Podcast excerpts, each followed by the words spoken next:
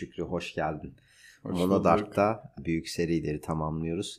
Ve Dostoyevski'den Ecinlilerle devam edeceğiz. Evet Ecinliler konuşacağız. Dostoyevski'nin bir diğer büyük romanı. Aslında siyasi bir roman. Çok hızlı bir romanla alakalı romanın künyesinden bahsedeyim izninle. Ondan sonra Niye izin muhabbet akar ki zaten. senin programın. ya Ecinliler Dostoyevski'nin hayatını çok detaylı konuştuk. Eğer merak edenler varsa önceki programlarımızı referans ederim buradan. Özellikle Karamazov Kardeşler programını. Şimdi Dostoyevski'nin hayatının ikinci yarısı yani sürgünden sonraki hayatı ve ondan sonraki kalan çeyreklik, son çeyreklik hayatının da yarısı işte Avrupa seyahatlerinde geçtiyse tam Avrupa'dan dönüşünden sonra yazdığı bir roman. 1871-72 yıllarında yazmış. Sonrasında zaten Delikanlı ve Karamazov kardeşler geliyor. Eciniler tabii e, o dönem tam da böyle Dostoyevski büyük bir günah, günahkarın hayatı adlı bir yapıtta çalışıyormuş abi. Sonra o dönemde çok böyle e, meşhur olan her yerde tüm gazetelerde çıkan bir haber dikkatini çekiyor Dostoyevski'nin. Ama çok da böyle e, şey olmuş yani. Her programında yaptığımız kitapta olduğu gibi yine bir haberden başlıyor. ya Dostoyevski hakikaten çok etkilenmiş. Bence bu iyi veya kötü o yüzden söylemiyorum ama yani gözleri açık o anda yaşayan güncel güncel olaylardan etkilenerek romanlarının yazım sürecini tamamlamış. Hep böyle şeyleri gördük. Karamazov'da da vardı bir parça, Suç ve Ceza'da da vardı. Şimdi o dönemde de Sergey Nechayev isimli nihilist bir grubun başındaki çocuk yine o grup dünyasından başka birisi tarafından işte biraz daha otonom olduğu, kendi idealleri ve kendi politik duruşuyla bağımsız bir şekilde davrandığına yönelik kendi grubu içerisinde suçlandığını öğreniyor. Sonrasında ise işte bu Nechayev onu kimin suçladığını anlıyor ve onu öldürüyor ve bir göle atıyor. Buradan şatoğa geleceğiz değil mi? Evet. Yani e, bu olay çok etkiliyor abi Dostoyevski'yi tamam mı yani hakikaten çok da konuşuluyor. O bir büyük bir günahkarın hayatı adlı eserini Ecinlilere çeviriyor. Tamamen siyasi bir roman. Birçok kaynağa göre dünyada yazılmış ilk önemli siyasi roman. Ve bence hani şöyle de bir girizgah da olmuş olsun. Hakikaten çok rahatsız edici bir kitaptı. Yani benim, benim şahsi görüşüm böyle. Kitabı bitirdikten sonra çok rahatsız oldum. Siyasi bir roman ama epey karanlık taraflarda kalan yazıla gelmiş bir roman gibi geldi bana. E, o yüzden böyle romanın kısa bir künyesini vermiş olalım. Sen hep programlarda bir Dostoyevski'den vaka sırası ne zaman yaptı diye demin yap, bahsettiğin gibi bilgi verirsin. Burada şöyle kendi ön sözünde ya da kendi yorumlarında bu kitaba ilişkin şunu hatırlıyor musun? Ben yazım tarzımı değiştirip çok direkt yaptım. Geçişleri bozulmalarını tarif etmesinde bunu yaptığını kendisi söylüyordu. Ya evet. Romanın yazım tarzı anlatıcının e, farklı bir yerde olması da bence önemli bir yandan da. Çünkü romanı anlatan, hikayeyi anlatan ana anlatıcı romanın aynı zamanda bir yan karakteri. Yani Stefan Trofimovich Verhovensky'nin e, en yakın arkadaşlarından yakın birisi. dostu hatta dostum Verhovensky evet. şöyle devam etti gibisinden şey yapar. E, ismi aynı zamanda bir memurdu. Bir yerde yazıyordu sadece. E, Anton Lavrentiyovich. Hikaye evet. anlatıcı. Burada şeyi de konuşmuştuk seninle. Hikaye anlatıcı aslında dahil olmadığı yerleri de e, bu kitabın belki eleştirisel bir noktası olabilir e, dedik ki bu onu görmedi. Tamam yakın arkadaşının ya da birisinin bildiğinden çok kuvvetli anlatabilir ama kendi görmedi. Ne kadar emin. Görmediği bir şeyi anlatması biraz garipsemiştim ben. Bunu da seninle konuşmuştuk. Bu bu dediğin e, kitabın eleştirilerinde çok yer alıyor. Birçok kaynakta da hakikaten görüyorsun. Benim ben takıldığım bir şey değil. Evet. Benim Hiç de, takılmadım. Benim de. Ee, yani ne bileyim sonuçta anlatıcının duygu selinden algısından sadece kaynaklanan subjektif bir şey okumuş olayım. Ne olacak ki? Lan? Neticede çok güzel yine karakterler e, yarattı. Yani bilmiyorum sen ne hissettin ama tam ben ben senden biraz daha önce okumuştum. Kitabın ilk 150 sayfası, 200 sayfası çok zordu benim için. Çok fazla karakterden bahsediliyordu. Çok böyle durağan bir hikayenin yavaş yavaş örgülendiği bir yerdeydi. 150-200 sayfadan bahsediyorum ilk. Fakat ondan sonra karakterler biraz oturunca kafanda roman aktı gitti. Evet. Bir bunu sana soracağım. Yani bu kitap yine bin sayfaya yakın olmalı. E, 800 800 90 falandı sanırım. Ya o yüzden bir göz korkutucu bir kitap. Ama ilk 150 sayfasından sonra bence akıyor. Ne dersin? Dostoyevski aslında eski zamanlarda sayfa ve kelime başına hacim büyük oldukça ve kumar zamanlarını ve son zamanlarını düşünürsen aslında biraz daha görüşünün de değiştiği zamanlar Karamazov kardeşler, Ecinler e, gibi son büyüklerini e, döndüğü sırada hani öyle düşünüyorum. Burada bir bütçe şeyi olabilir tipi yorumlar var. Ben bunu düşündüğüm için değil sadece denk geldiğim için söyledim. Bir de ilk başında yani seni sorduğun sorunun esas yanıtı şu. 250 belki 300 sayfa olaydan hiç olmayacak e, ve Fransızca yani çevirden okuyoruz evet, neticede bir %15'i falan Fransızcadır. Ve hani bu beni de yani iki kere falan okuyunca iyice ne zor diyor. Yorucu yani biraz zor. Yorucu e, bir şeyler katıyor. Kötü bir metin okumuyorsunuz yine ama biraz olayın dışında yani orası olmayabilirdi ya da bir bütünle ilişki kuramadım ben orasına ilişkin. Kitabın çok önemli bir noktası var. Kesilmiş, yayınlanmamış Üf. ve sonradan kitaba eklediklerinde kitabın neresine koyacağını birçok yayın evi işte Fransa'da, Rusya'da, e, farklı coğrafyalarda şaşırmış. Bizim okuduğumuz baskıda da İş Bankası yayınları, iletişim, iletişim yayınları gibi yayınları. farklı de. yayın evinden okuduk bu sefer senle aynı lokasyona koymuş ama bu da mutlaka değinmemiz gereken bir yer bence Muhakkak. bu sıralamada. Çünkü kendi aramızda da hani bunlar gerçekten oldu mu sen mi böyle anladın dediğimiz konular var. O yüzden kesilmiş aslında. Çok açık yazılmıyor ama o kanıya çıktığını varıyoruz. Üç şey söyleyeceğim eğer aklımda kalırsa.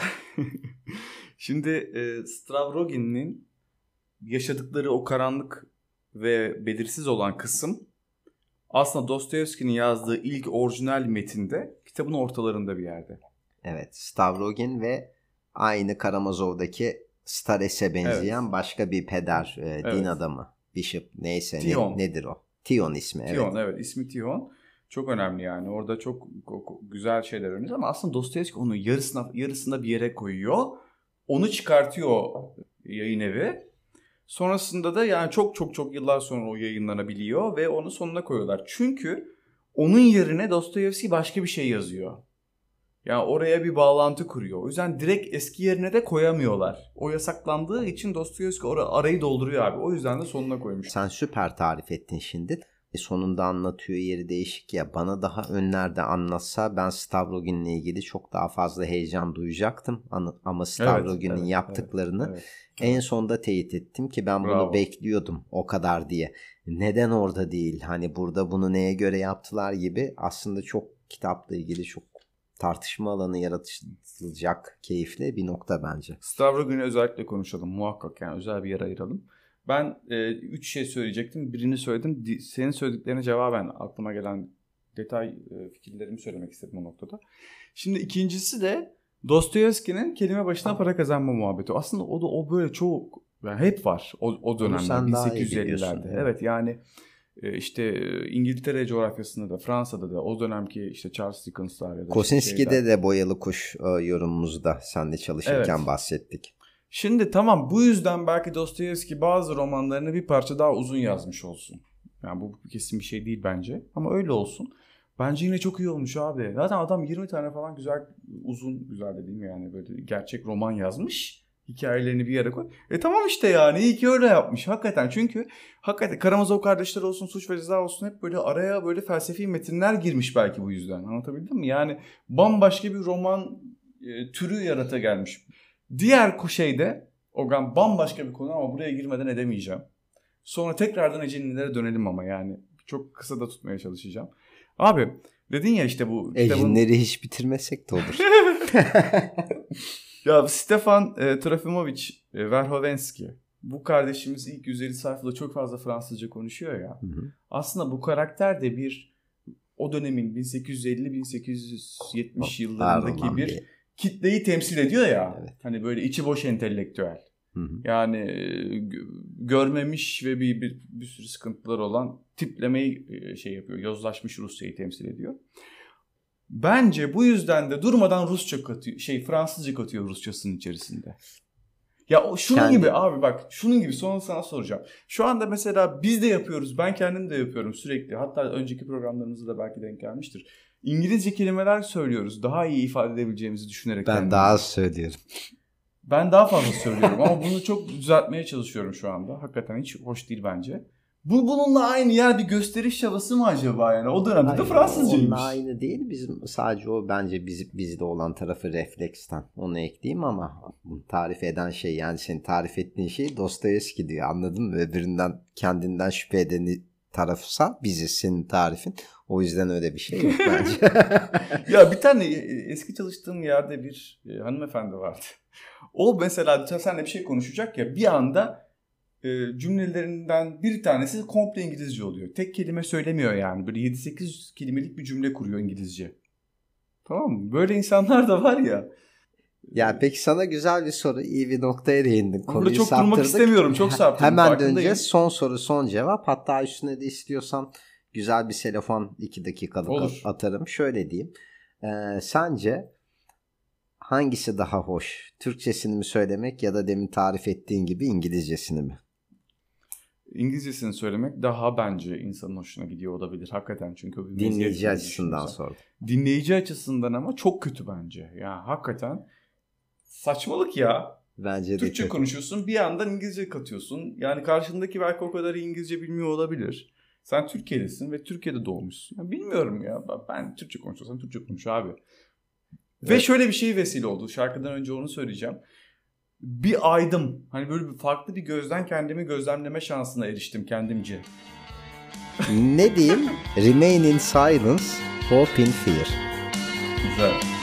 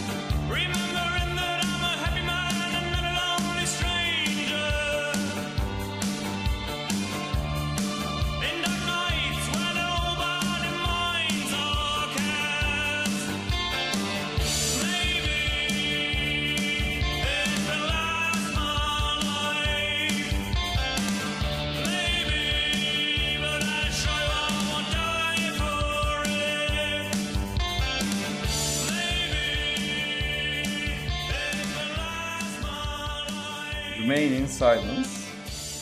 Hope in Fear. Evet. Değil mi? Ne güzel bir şarkı albüm grup ismi değil mi? hangisi grup hangisi şarkı artık yani ama gerçekten ben benim bilmediğim bir şarkıydı Ogan seçti bu şarkıyı. Dark is Future e, tarafından geldi. E, ben de çok iyi bilmiyorum. Keşfettiğim şeylerden biriydi. Çalmış olduk. Az şarkı çalacağız bu programda. Evet. Yeni Bakalım. şeyler deneyelim istiyoruz. Bakalım. Ogan Ecenilerden bahsediyoruz. E, Eceniler bittikten sonraki Haleti Ruhiyem'den biraz bahsedip sana bir soru sormak istiyorum. Kitap bittikten sonra e, gerçekten hani böyle çok sert bir film izlersin işte Requiem for a Dream işte Dancer in the Dark falan neyse çok sert bir film izlersin ve böyle kalırsın ya birkaç dakika. Ben birkaç gün etkisinden çok çıkamadım. Yani tabii çok içine girip okumaya çalışıyoruz. Ben bir de yoğun okudum. Yani 5-6 günde bitirdim. O yüzden e, şöyle bir hissiyata büründüm. Kitabı aşırı beğenmediğimi düşündüm baştan. E, ve dedim ki yani hiç mi iyi bir karakter, hiç mi e, iyi bir insan olmaz? Yani ya böyle aşırı kötü ya orta şeker insanlar var. Gerçek insanlar gibi ama hiç böyle iyi bir karakter yok gibi geldi bana. Ve bu beni çok yordu. Yani tüm karakterleri düşündü işte Stavrogin'inden yani konuşuruz yine Piotr'ına işte Piotr'ın babası Stefan Trofimovic'ten Varvara'ya yani bence Ivan Shatov'dan tut yani hepsi Fetka'ya, Yüzbaşı Lebyatkin hani karakterleri de böyle bir geçirmiş olalım. İşte ya işte garip yani hani en sevdiğim karakter Kirillov'du. O da hiç normal değil onu zaten konuşacağız. İşte sen ne hissettin? Roman bittiğinde. Benim Stavrogin'de en sevdiğim karakter. Gerçekten mi? Çok da zor karar verdim çünkü Kirillov'da vardı. Hatta Piotr Stefanovic'te. Ee, onu da çok düşündüm. Ee, yani şöyle söyleyeyim. Hiç iyi karakter bulamadın. Bir e, kitabı sevip sevmemekte iyi kötü dengesi sen aslında bunu demek istemedin ama hani iyi kötü dengesi şu yok. E, şey önemli değil.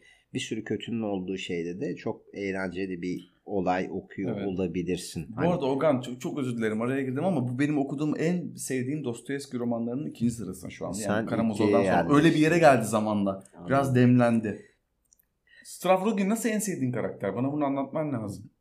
Neden? Tabii. Ee, ya bir atıf yapacağım. Tam da e, çok güzel bir okuma sıralamasına geldim ben. Sen de ama senin eski okuman çok e, uzun yıllar önce Lermontov'un zamanımızın bir kahramanı. Evet. Ee, orada Pechorin var. Pechorin kendini çok iyi, hikayenin akışı e, çok farklı. Lermontov'da e, tek hikayesi bu.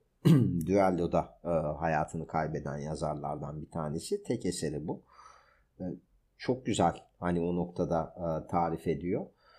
Pechorin'e benzetmelerini iyi ya da kötü hani neticede bunun kendisi seçtiği bir şey olmadığını anlatıyor. Çok uzun şeyleri Hı. aslında ben Hı. toplayıp bir cümleye böyle sığdırabilirim. Ya Tıpkı senle başka programlarda Çicikov da iyi mi kötü mü? Yani hani iyi kötüden ziyade kendince ne kadar haklı ve bu iç adaletini iç konuşmasıyla nasıl sağlıyor ve neler yapıyor? Şimdi Stravrogin karakteri Ivan Shotov'un e, karısını ayartıp e, Ivan Shotov'dan ayıran 13 yaşındaki bir kıza tecavüz eden. Bunu da bir konuşuruz ama yani kesin bilgi yani. Kitapta öyle evet. anlatıyor. Ee, onun dışında sırf kendi egosu için Marie ile evlenen e, falan ve daha birçok ufak ufak hissettirilmiş psikopatlıkları yapan bir karakter. Ya bence hastalıklı bir karakter. Ama ilginç bir karakter. Seviyor olmanı da anlarım aslında. Bence Farklı bir karakter e, çünkü. icraat fiilleri çok kötü ya ifade etmesi çok zor. Hani kendinden artık vazgeçmiş bir kişi olduğunu görüyorsun. Bu etrafa zarar vermiyor. O sadece çeşit çeşit insandan bir tanesinin profili. Yani zarar verme niyetinde hiç değil. Verip vermediğini düşündüğünde de bundan mutluluk duymuyor. Ben zarar veriyorsam üzgünüm gibi anlatacak. Sana kendini sorsaydın ifade edecekmişsin gibi duran birisi yaratılmış bir karakter. Yani o kıza tecavüz ederken hatırlatayım yalan söyleyip kızı suçlu duruma düşürüyor. Annesi dövüyor kızı. Annesi ve kızın oturduğu bir evde bir odada kiralamış orada yaşarken. Sonrasında annesi bunu dövüp çok eziyet ettikten sonra kızın zayıf bir anını bulup Ee, kız da tabii ona böyle abi gibi ama bir yandan da aşık çok gibi. ağır psikolojik baskı yaratıp kızda her şeyin kendiliğinden olmasını sağlıyor. Abi sonra orada işte onu, teca- ona tecavüz edip sonra da kızın kendini öldürmesine seyirci oluyor. Durdurmuyor yani. Evet. Bu arada bu Tihon'la olan bu konuşmada öğreniyoruz kitabın sonunda ya bunu. Acayip Ee, Tihon kitabı çok güzelleştiren bir e, yani. Karamazov kardeşlerdeki Stares Sosima'ya benzeyen Benziyor. bir karizması Benziyor var. Ee, Aynen. daha az tarif ediliyor, daha az bahsediliyor. Onun gibi bölümleri yok. Ama toplumun kimi tarafından da nefret edilen bir rahip aynı zamanda. Stavrogin'le alakalı şu bence önemli. Pişman. Yani tam bir psikopat değil. Hani onu anladım ben. Pişmanmış gibi geldi ve sonra da kendisini öldürüyor zaten. Bunlara dayanamayıp belki. Ee, yani o da şöyle buradan şuna geleceğim. Kitabın ortaya ya da sona konma konusu var ya. Kendisini öldüreceğini e, sen şimdi söyledin. Bunu aslında Ondan sonra kitabın sonunda ayrı bir yerde öğreniyoruz. evet ama sona koydukları için ortada olursa bunu şöyle öğreniyoruz. Yok yok o, o metinde değildi intihar etme sahnesi.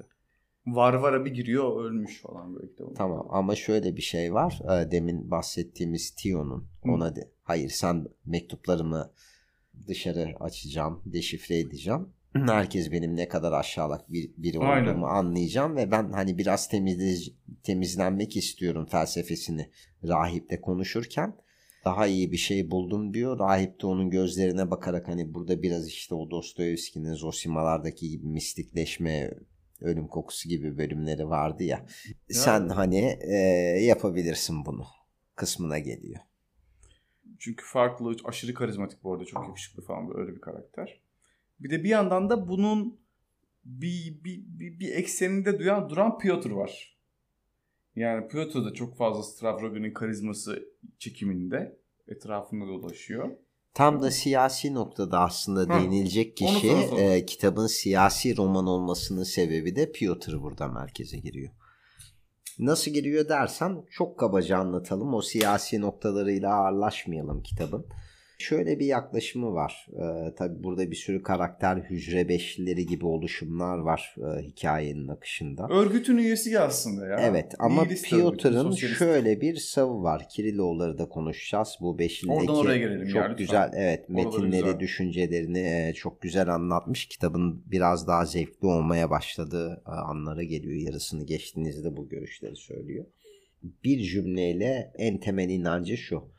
Yeni bir sistem yaratırken mevcut sistemi berbat hale getirip geçici bir ara sistem yaratmak, onun ne kadar olduğunu gördükten sonra e, esas senin istediğini yapmak gibi bir karşı devrim ya da devrim felsefesi var öğretilmiş ve kitap boyunca da şu kendi hücre beşlisiyle aslında bunu Rusya'da hakim olup olmadığını da kendi içlerinde istişare ediyorlar. Aslında başka Pi- başka bölgelerde başka başka örgütler Evet. olabilir Piotr'un kurduğu Piotr gibi. hepsini ikna ediyor ama e, ekibindeki kişilerin de kafası çalışma zayıf da olsa bunu sorgulamayı o, o mertebeye erişebilecek kişiler. Bunlar da sorguluyor ve bunu senle Şükrü telefonda konuşmuştuk. E, şey Rusya'da başka örgütler yoktu. Biz o konuya Yok, yok, yok, evet, yoktu. yok. Tek Ama çok var. güzel ikna ediliyor. Bunun gibi bir e, zihin oyunları da içinde var. O, o kısmı çok iyiydi. Ya işte bu Neçeye'den bahsetmiştik programımızın başında. Neçeye'den, Neçeye'den esinlenerek Haber yapılmış konusu. olan bir karakter Piotr. Yani kendi örgüt kuracak. İşte e, yurt dışında Avrupa'da kalmış bir dönem ve orada öğrendiği öğretiler ve örgütün bir üyesi gelip e, Rusya'nın belirli bölgelerinde küçük küçük ekipler kuracak ve bir anarşi ortamı yaratacak. Yani bir yandan bir, bir haber gelecek ve tüm şehri yakacak, yıkacak, mahvedecek ve tüm Rusya tamamen mahvolacak. Böyle bir e, adamın hayat amacı var. Bu da e, kitabımızda aslında hafiften Krilovlara da sana sormama yol açan bir şey. ya Kirilo, Kirilova gelmeden de şunu söyleyeyim. Tabii Piotr'la St- Stavrogin arasındaki ilişki de biraz garipleşiyor bir, bir yandan da. Bence biraz da böyle bir gay ilişkiye doğru da gidiyor Piotr tarafında. Ben böyle de yorumladım hakikaten bunu. Yani e, çünkü Stavrogin'i biraz ya şey tanrı gibi koyuyor oraya. Ben e, kendi mensubu olduğum örgütten soyutlayayım kendimi. Zaten Stavrogin bana yeter. Tek başıma onu başa getirecek şekilde bir devrim yapayım. Ve oradan zaten istediğim o nihilist, sosyalist, ütopik şeyleri kurgulayayım. Onu da alt metinden bahsediyor sürekli şeye. Stavrogin'e. Evet Stavrogin'i ikna etmeye çalışıyor tüm roman boyunca ama Stavrogin hiç oralı değil yani. Hiç. evet. E, tabii Krylov dedin Ogan. Ben sana sorayım. Sonra oradan biraz konuşalım. Sor. Da... Bir sonraki soruya da ben işaret yapayım. Biliyorsunuz rezaletleri konuşmayı çok severiz. Ben tabii. de sonrasında Oo. rezaletlere değineceğim. Müthiş, müthiş bir rezaleti var bu kitabın. E, Dostoyevski Yine, Evet. Dostoyevski rezaletleri eksik değil ki bizi en çok eğlendiren şeylerden. Kirillov da aslında Piotr'ın arkadaşı gibi bir yandan yurt dışında bulunduğu dönemde örgüt üyesi. Şatov'da bir dönem o örgüte girip çıkmış Avrupa'dayken. Ya bunlar zaten Stravrogin, Shatov falan bunlar küçüklüğünde de arkadaş e, şeyin Shatov'un. Eskiden tanışıyordu. Tabii yani Piotr'un babası. Yani şöyle Piotr, Stravrogin, Shatov ve Liza. Bunları e, hep beraber e, işte Stefan Trofimovic eğitmiş hoca olarak. Evet. O Kitabın da zaten... başındaki 300 sayfa e, bahsedilen Aynen. ve bizim biraz fazla uzamış dediğimiz kişi. Aynen. Stravrogin'in de annesi olan Varvara ile Stefan arasında çok acayip bir ilişki var. Varvara ile Stefan yaşıt gibi. Stefan e, boş bir entelektüel. Varvara da boş entelektüellerin yanında bulunmaktan, prim yapmaktan hoşlanan bir kadın gibi falan. Onu kanatları altına almış. Rus romanlarını, Rus romanlarını çok var o klasik romanlarda. Kanatları altına almak. Kapatma. Yani sen rahat ol abi. Sen bendesin. Sen sadece etrafında dur falan. Çok acayip bir kafa değil mi ya? Neyse Krilov'a geliyoruz. Krylov da işte o grubun bir parçası ama Dostoyevski romanlarının çok eşsiz bir tarafı belki. Bambaşka bir karakterin çok farklı bir felsefi hayat görüşü var. Krylov da öyle. Ne diyor Krylov? Krylov'un bir intiharla alıp veremediği var değil mi? Krylov intihar edecek. Piotr dediğimiz e, müthiş düzenbazlardan kitabın ön çok manipülatif ya. Çok manipülatif. Bunu da çok iyi anlıyor ve bütün suçu Krilov'un üstüne yıkmaya çalışıyor. Bunun üzerine konuşacağız. Evet. Ama Krilov'un neden intihar edeceğini bu kadar açık söylemesinin çok güzel bir felsefesi Hı. var. Krilov'un hayat felsefesi yani intiharla olan yaklaşımı. Sen bana şunu mu soracaktın? Krylov niye intihar etmek istiyor? Evet abi zaten adamın yani yaşam duruşu o, hayat duruşu o. Tamam. Krylov bugüne kadar hiçbir insanın hiçbir nedeni yokken intihar etmesi gerektiğini düşünüp Tanrı'ya ulaşamadığı varsayımından gibi bir zehirli düşünceye çıkıyor. Yani hiç kimsenin düşünememiş olduğu bir düşünceyi buluyor. Ee, ve ben intihar etme cesaretini gösterirsem hiçbir korkum kalmaz ya da hani egolarımdan tamamen öyle sıyrılırım.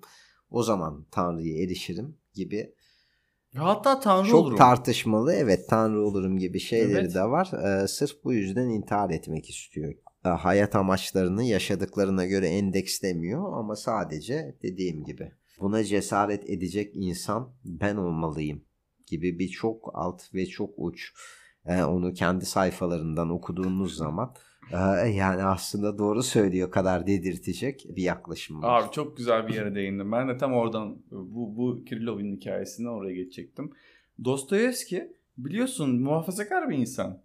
Slav Slav ne diyorum şeydeki gibi Budal'daki Panslavizm, Prens Mişkin gibi Slavcı bir genç. Çok iyi bir çocuk. Aslında. Milliyetçi bir adam aslında evet. yani. Hani dinli bütün bir insandı. Fakat karakterlerinde, romanlarında öyle tam düşündüğünün tersi bir görüşteki bir karakter çiziyor ki seni ikna ediyor okucu olarak. Kendisini de ikna ediyor. Zaten o yüzden kendi içinde çok yoğun çelişme, çelişkilerle beraber yürüyor. Hiçbir şey kesin inanmıyor aslında yani. Sana şey o zaman bir zırva sorusu gireyim. Sen de hani Rus olsaydın mesela hani bu düşünceye inanır mıydın?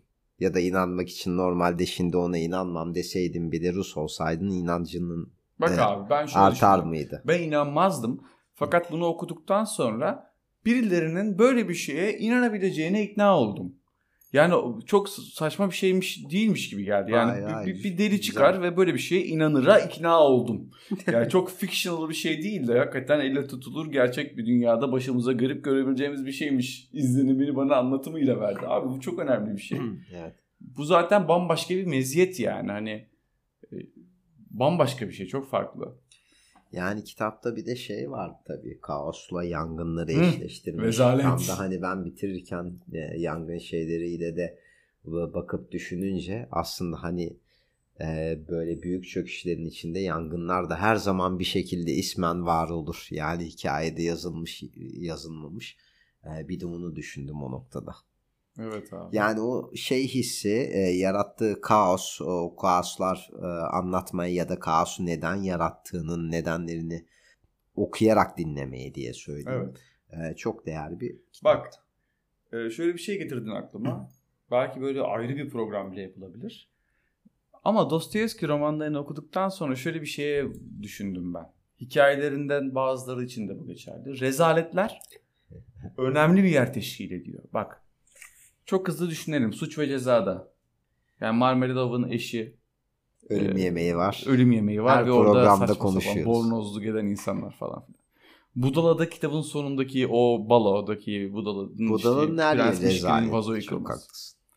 E, Karamazov kardeşlerde bir sürü var. Yani Dimitri'ler işte, var. Dimitri'nin gidip restoranda yaptıkları falan. Sinigrevler ya da hani acıklı ve rezalet hani her türlü. Ya şimdi orada gerçekten böyle insanları çok zor bir duruma sokuyor ve o zor durumda sana hep öğrete geldiği, öğrettiği karakterlerin kişilikleri nasıl değişiyor, ne oluyor gösteriyor. Bir çelişki gösteriyor bence ve çok önemli bir yer teşkil ediyor romanların. Nasıl Raskolnikov doğru yola geliyor. Ha. Ya hani biraz daha e, Sonya'nın, Sonya'ydı değil mi? Sonya'nın Sonya. hani ilahi gücüyle biraz daha iyilik ve şeyin kazandığını bir böcek olmaktansa kazanıyor gibi aslında hepsinde var.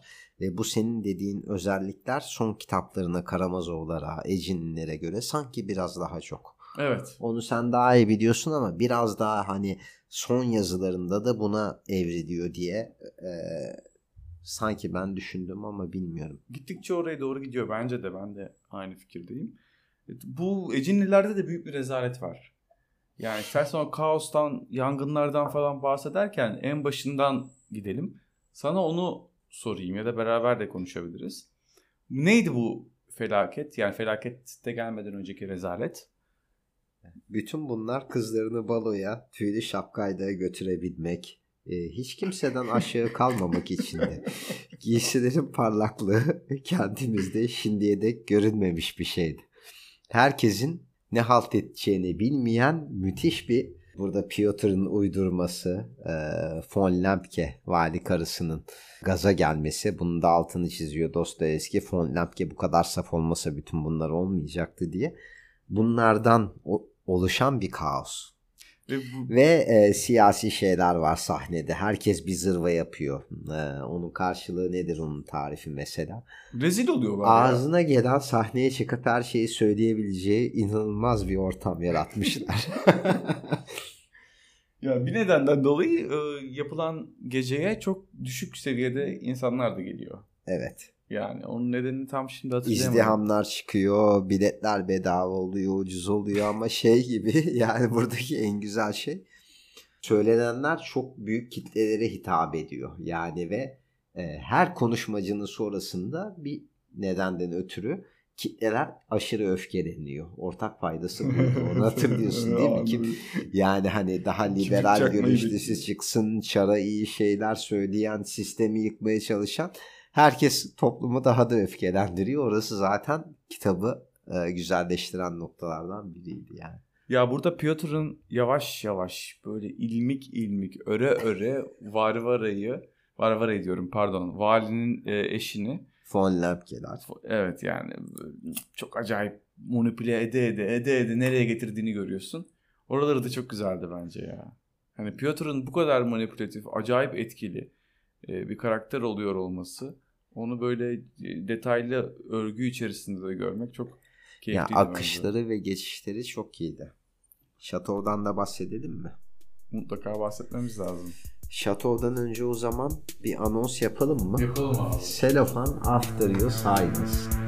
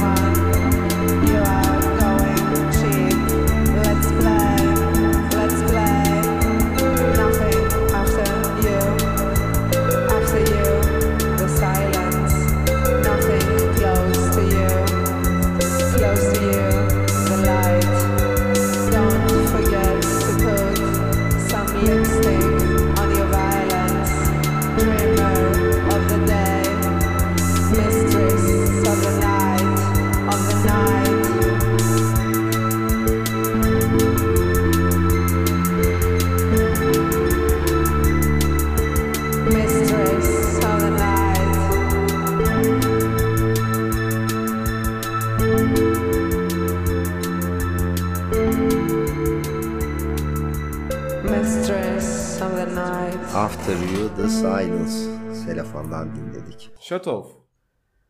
Eski öğrenci Filipovların evinde hücrede kalan da bu beşli oluşuma destek veren bir pisliğe bulaşmadan çıkan ya da çıktığını sanan diyeyim. Piotr Stefanovich tarafından kumpasa getirilen bir üniversite öğrencisi. Aynı zamanda senin programın başında bahsettiğin e, gazete haberi. Dostoyevski'ye ilham olan. E, aslında Varvara e, Stavrogina yani e, bizim ana karakterimizin annesi nin eski serflerinden birinin oğlu Şatov. E, ve işte orada e, Varvara'nın koruyucu ve otoriter karakteriyle yaptığı işte tüm gel buraya benle beraber yaşa falan de, de, deyişlerine rağmen orada yaşamaktansa Avrupa'da sefaret içinde yaşamayı tercih etmiş. İşte sonra o noktada Straubing'in de dostlukları sonucu. Biraz Raskolnikov'un şeylerini hatırlatmıyor mu sana? Başına buyrukluklarını. Evet. Ee, aynen öyle tarif ederken seni dinleyince aklıma geldi. Ee, tabii Şatov'da tam işte bir şekilde kendini yurt dışındayken bu Piotr'un grubunda buluyor ama tam da oraya ait de değil aslında. Yani böyle tam karar da vermemiş oluyor. Sonra dönüyor. Sonra bir birisine aşık oluyor. Çok aşık oluyor. Evleniyorlar. Sonrasında Strav, Stavrovi e, onun onun karısıyla onu aldatıyor. Bunu da öğreniyor falan. Bu da önemli bir bilgi aslında karakteri anlamak için. Sonrasında romanın sonuna doğru karısı bir anda pat kapı geliyor ve hamile. Stavrogin'den hamile.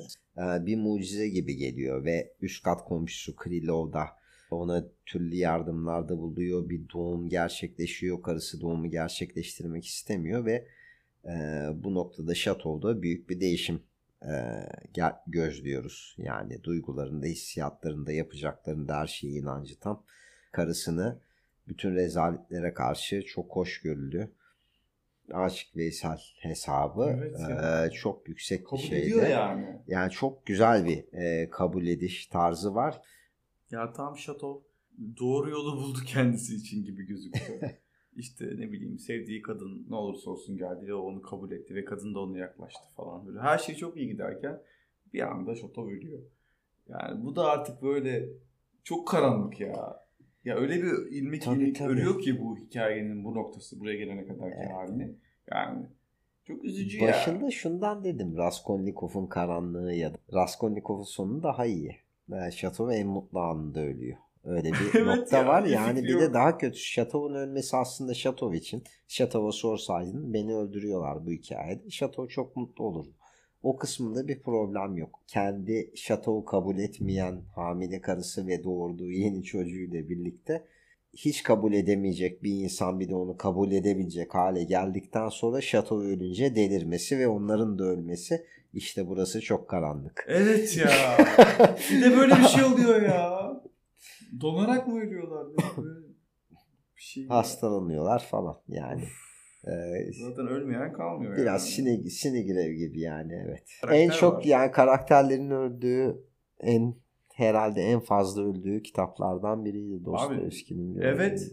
Ya mesela Stavrogin'e aşık olan Liza'nın sonunu düşün ya. Evet, evet. Linç ediliyor. Linç edilerek ölüyor ya. Linçler ve değinmediğimiz aslında bir sürü de karakter var Şükrü. Ya son sana bir de şeyi sorayım istiyorum. Bence o da önemli bir karakterdi. Ondan da biraz konuşalım senin için de uygun olursa. Ee, Stefan Trofimovich Verhovensky. Entelektüel ama boş. Nedir bu karakter? Biraz bundan da bahsetsene son bir. Düşündüğüm şeylerden biriydi. Kitabın başında Verhovensky'yi çok uzun bahsedildi. Neden bu kadardı yani? Bir kitabın dörtte biri yüzde yirmi beş ki Verhovensky'yi anlatıyor. Ama sanki ben şöyle bir e, iki üç tane soru sordum kendime. E, kitabın ana karakterleri Stavrogin hocası olduğu için onun üzerinde acaba bir etkisi var mı diye. Bir de Stefan Trifunovic acaba hani kendi de hasta, yaşlı oluyor yani hikayenin devamında yaşlılık tarafını dinliyoruz daha çok sıkıntılı yerlerini. Hasta Rusya'yı temsil edip e, iyileşecek, iyileşmek için bir adım atıyor ki kendi e, iyice hastalığı kötü olduğu zaman evden kaçıp kendini dışarı atıp bir takım hayali şeylere gidiyor. Acaba bu da hasta Rusya'nın temsili mi diye iki nokta düşünmüştüm. Bence çok doğru bir yerden yaklaştın. Bir de Stefan şöyle bir karakter sanki. Alt arka planı çok dolu değil. Üniversite mezunu bile tam değil. Üniversite hocası hiç değil. Ama öyle bir dolduruyor ki kendini sanki üniversite hocasıymış gibi. Herkes onu hoca falan diyor işte öğretmen, işte profesör falan. Öyle zannediyorlar. Ve bunun peşinde de biraz sanki şey gibi duruyor. Ee, o anki e, işte politik duruşun tam tersinde olduğuna inanıyor. Ve her an yakalanıp yurt dışına atılabilir, hapse atılabilir falan olduğunu düşünüyor. Bir tane şiir yazmış çünkü o. Aslında hiç alakası yok yani ne yapsın hiç kimsenin umurunda değil. O yüzden böyle bir halüsinatif bir tarafı da var. Bir yandan da o dönemin yaşadığı boş entelektüelleri anlatıyor. Ee, işte Turgenev kitlesini, Turgenev'i falan eleştiriyor ki Karam Karamazinov diye bir karakter vardı. Ee, yanlış hatırlamıyorsam. Karmazinov. Şey. Karmazinov. O da zaten Turgenev'i temsil eden bir karakter. Orada giydirilmiş. Evet yani ben şeyi çok ilginç geldi bana abi. Varvara ile Stefan arasındaki ilişki çok acayip değil mi? İlk 150 sayfa zaten bunu anlatıyor gibi. Yani zaten şöyle mesela şöyle bir öbek vardı. Bu yaptığını asla unutamayacaktım. Ben şimdi mesela yazılanlara bakıyorum geriye dönüp okudum. Hiçbir şey yaptığı yok ama niye hani yaptığı şeyi unutamayacaktı gibi de çok karma karışık bir ilişki var aralarında. Şimdi, Takip ha. ederken çok yoracak. Evet. Şimdi bir de bir yandan böyle çok onun gözünden de okuyor gibiyiz. Çünkü en iyi arkadaşı anlatıcı. O yüzden böyle karakter çok sanki böyle mağdur gibi bir yandan da. Öyle bir anlatımı da var. Ama sen başka bir gözden onu anlayabiliyorsun. Karakteri kimse dışlamıyor. Girdiği ve gözlemlediği olayları anlatma sırasında ona hiç kötü ve ters bir şey denmiyor. Hani öyle bir noktası da detayı da var. Var var ile olan ilişkisi birbirlerine aşıklar mı? Değilseler niye böyle bir seks yani sexual tension da var İngilizce söyledim ama yani nasıl söyleyeceğim bilemedim. ne düşünüyorsan onu söyle. ya işte neyse. Ee, öyle bir şey de var. Ee, ya ben mesela bu 250 sayfada bu ilişki ve şeyden gidiyor ya ben bunların seks yapıp yapmadığını anlayamadım. Ona ben ilişkin hiçbir şey, hiçbir şey yok ama sanki acaba hani affetmeyeceği şey o muydu Varvara Petrovna'nın hani bu bir saçmalık yaptı ve ona saldırdı gibi bir durum mu oldu mesela emin değilim. Ya Varvara Petrovna onu bir oyuncak gibi görüyor. Diyor ki şöyle giyineceksin, şöyle davranacaksın. Yanımda şu zamanlar sadece bulunacaksın falan. Hani ona bir ev vermiş.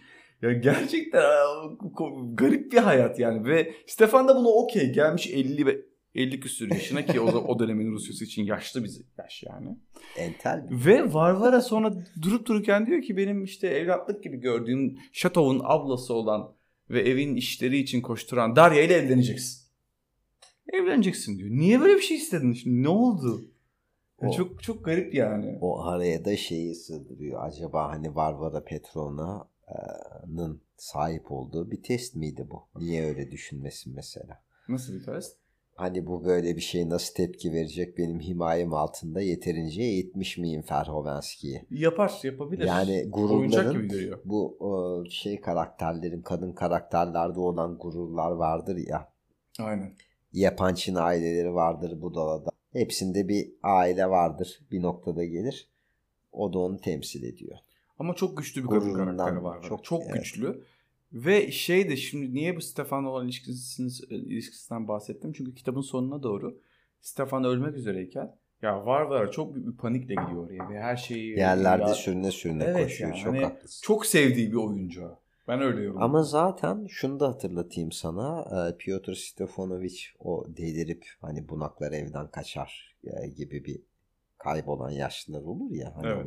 evet. Biraz hani durumu olmasa da hafiften öyle. Bir, o durumu andıran bir kaçış yapıyor. Biraz kendini bilmeden sağa sola gidiyor. Yolda değişik köylülerle karşılaşıyor. Aa, çok güzel olur ya. E, soyu diyor falan ve şey. Bir tane şey satan, inci satan bir kıza aşık oluyor falan orada küçük. Orada yani hani açılıp aslında hasta Rusya'nın kendini e, tedavi etme isteği acaba o mu? O hikayelerden de böyle gidiyor ama hiçbir işe yaramıyor aslında o hasta Rusya'nın tedavisi kısmını düşünerek sana söylemiştim. Evet başında. evet aynen aynen ve e, yani oradan da şuraya gelmek istedim son. Sonuçta Stefan böyle ara cümlelerden, ara kısımlardan falan anladığımız kadarıyla Piotr oğlunu ne bileyim 3 yaşında 5 yaşında bir yatılı okula veriyor ve bir daha hiç görmüyor. Yıllarca 20 yıl falan görmüyor abi. Ama bir yandan da Varvara'nın oğlu olan Stavrogin'in 15 yaşına kadar falan en iyi arkadaş gibiler. Yani hocası ama korkunç bir şey de var aralarında yani. Yani Baba bunlar ailecek virüslü böyle iç içe girmiş ve bir kaotik şeyi bütün pisliği çıkaran aslında kitabın başında da o kadar uzattı diye değindiğimiz şeyin böyle bir gerekçesi olabilir. Olabilir abi. Ee, bu yakınlaşmalardan bu iki tane hastalıklı ailenin bir araya gelip kadar sıkılaşmasından da meydana çıkmış olabilir ki. Bir şeyi hani yeniden yapılandırmak için berbat, yakılan, yıkılan ve rezalet bir şeyi yaratmak ve ikincide yaratmak aslında kitabın siyasi felsefesi Piotr'da bence bu noktadaydı. Şöyle iki ekleme edeceğim. Çok da güzel bir yere geldim bence. E, Piotr tüm bu siyasi karmaşa, kaosu yaratan ana manipülatif e, şeytani karakter. Ama Dostoyevski romanlarının farkı bence bu. Ya bu karakter niye böyle olduğunun ipuçlarını hep bir yerlerde veriyor. Çünkü Piotr onu 3 yaşında bir yere atmış. Bir daha da görmemiş. Ne annesi var ne babası. Yani korkunç boşluklarla beraber büyümüş bir çocuk. Dolayısıyla böyle bir yere geliyor yani. Böyle bir adam oluyor. Şimdi evet. bunu açıklamaz belki ya da sadece bunun nedeni bu olamaz ama bir yerden bunun altyapısını da şöyle hazırlıyor. En iyi siyasi roman niye? Çünkü o dönemin içinde bulunduğu, Rusya'nın içinde bulunduğu o e, işte si- siyasi çelişkileri, yapıları, yükselen Fransa'dan gelen sosyalist üst, ütopik e, akımların, nihilizm akımının etkisini falan görüyor. Onu da çok iyi yansıtıyor. Ve bütün bu işte siyasi örgütlenme, şehirleri yakma, işte siyasi bir amaç uğruna yapılan kaos, vahşet falan da bir yandan var ama Tüm bunları yaparken de tüm karakterlerin haleti ruhiyesine Dostoyevski tarzıyla da çok hakim oluyoruz. Hepsine. Krilov'undan Şatov'una, işte Stavrogin'inden Piotr'una yani hepsi e, hatta o beşli bile yani o tüm karakterlerin bir yandan beyninin içinde ne düşündüğünü anlıyor ve bunu kabul ediyoruz. Olur, olabilir böyle bir şey diyoruz. Bence o yüzden öyle düşünülüyor. Yani yazılmış en iyi siyasi romanlardan biri olduğu düşünülüyor. İyi ki okumuşuz. İyi ki okumuşuz. Okuduktan sonra biraz demlenmesi gereken romanlardan biri. Çünkü çok sert. Ki diğer romanların da sıralamasını değiştirme etkisini bence yapabilir. Orhan Pamuk'un bir şeyi var. Bir, bir kuplesi var, bir cümlesi var bu romanlarla alakalı. Ecinliler dünyanın en iyi 7-8 romanından biri. Hiç kuşkusuz en iyi siyasi romanı demiş. Böyle böyle çok şey var. İşte Albert Camus, çok etkilenmiş bu romandan. Hatta bir tiyatrosu falan var. Tavsiye ederim. Zaten burada şöyle de bir şey var yani bu roman yani bu programı okuyan dinleyen kişiler çok spoilerlı bir program dedi. O yüzden zaten okumuş ve gelmiştir diye düşünüyoruz ama yine de okumadan gelmiş olanlar varsa da hakikaten burada altını çizelim bir, yani. Bir saatlik e, bir Ejinler kaydımızı e, tamamlıyor olacağız. Zaten kimse bir saat dinlememiştir bizi şimdi. o da daha iyi değil mi? Yani? Evet, Biz bu bilgileri kimse duymadan verelim. ee, şi çalacağız. Şi Pastevey'in şiisi Clan of Simox remixiyle. Hoşçakalın. Hoşçakalın. she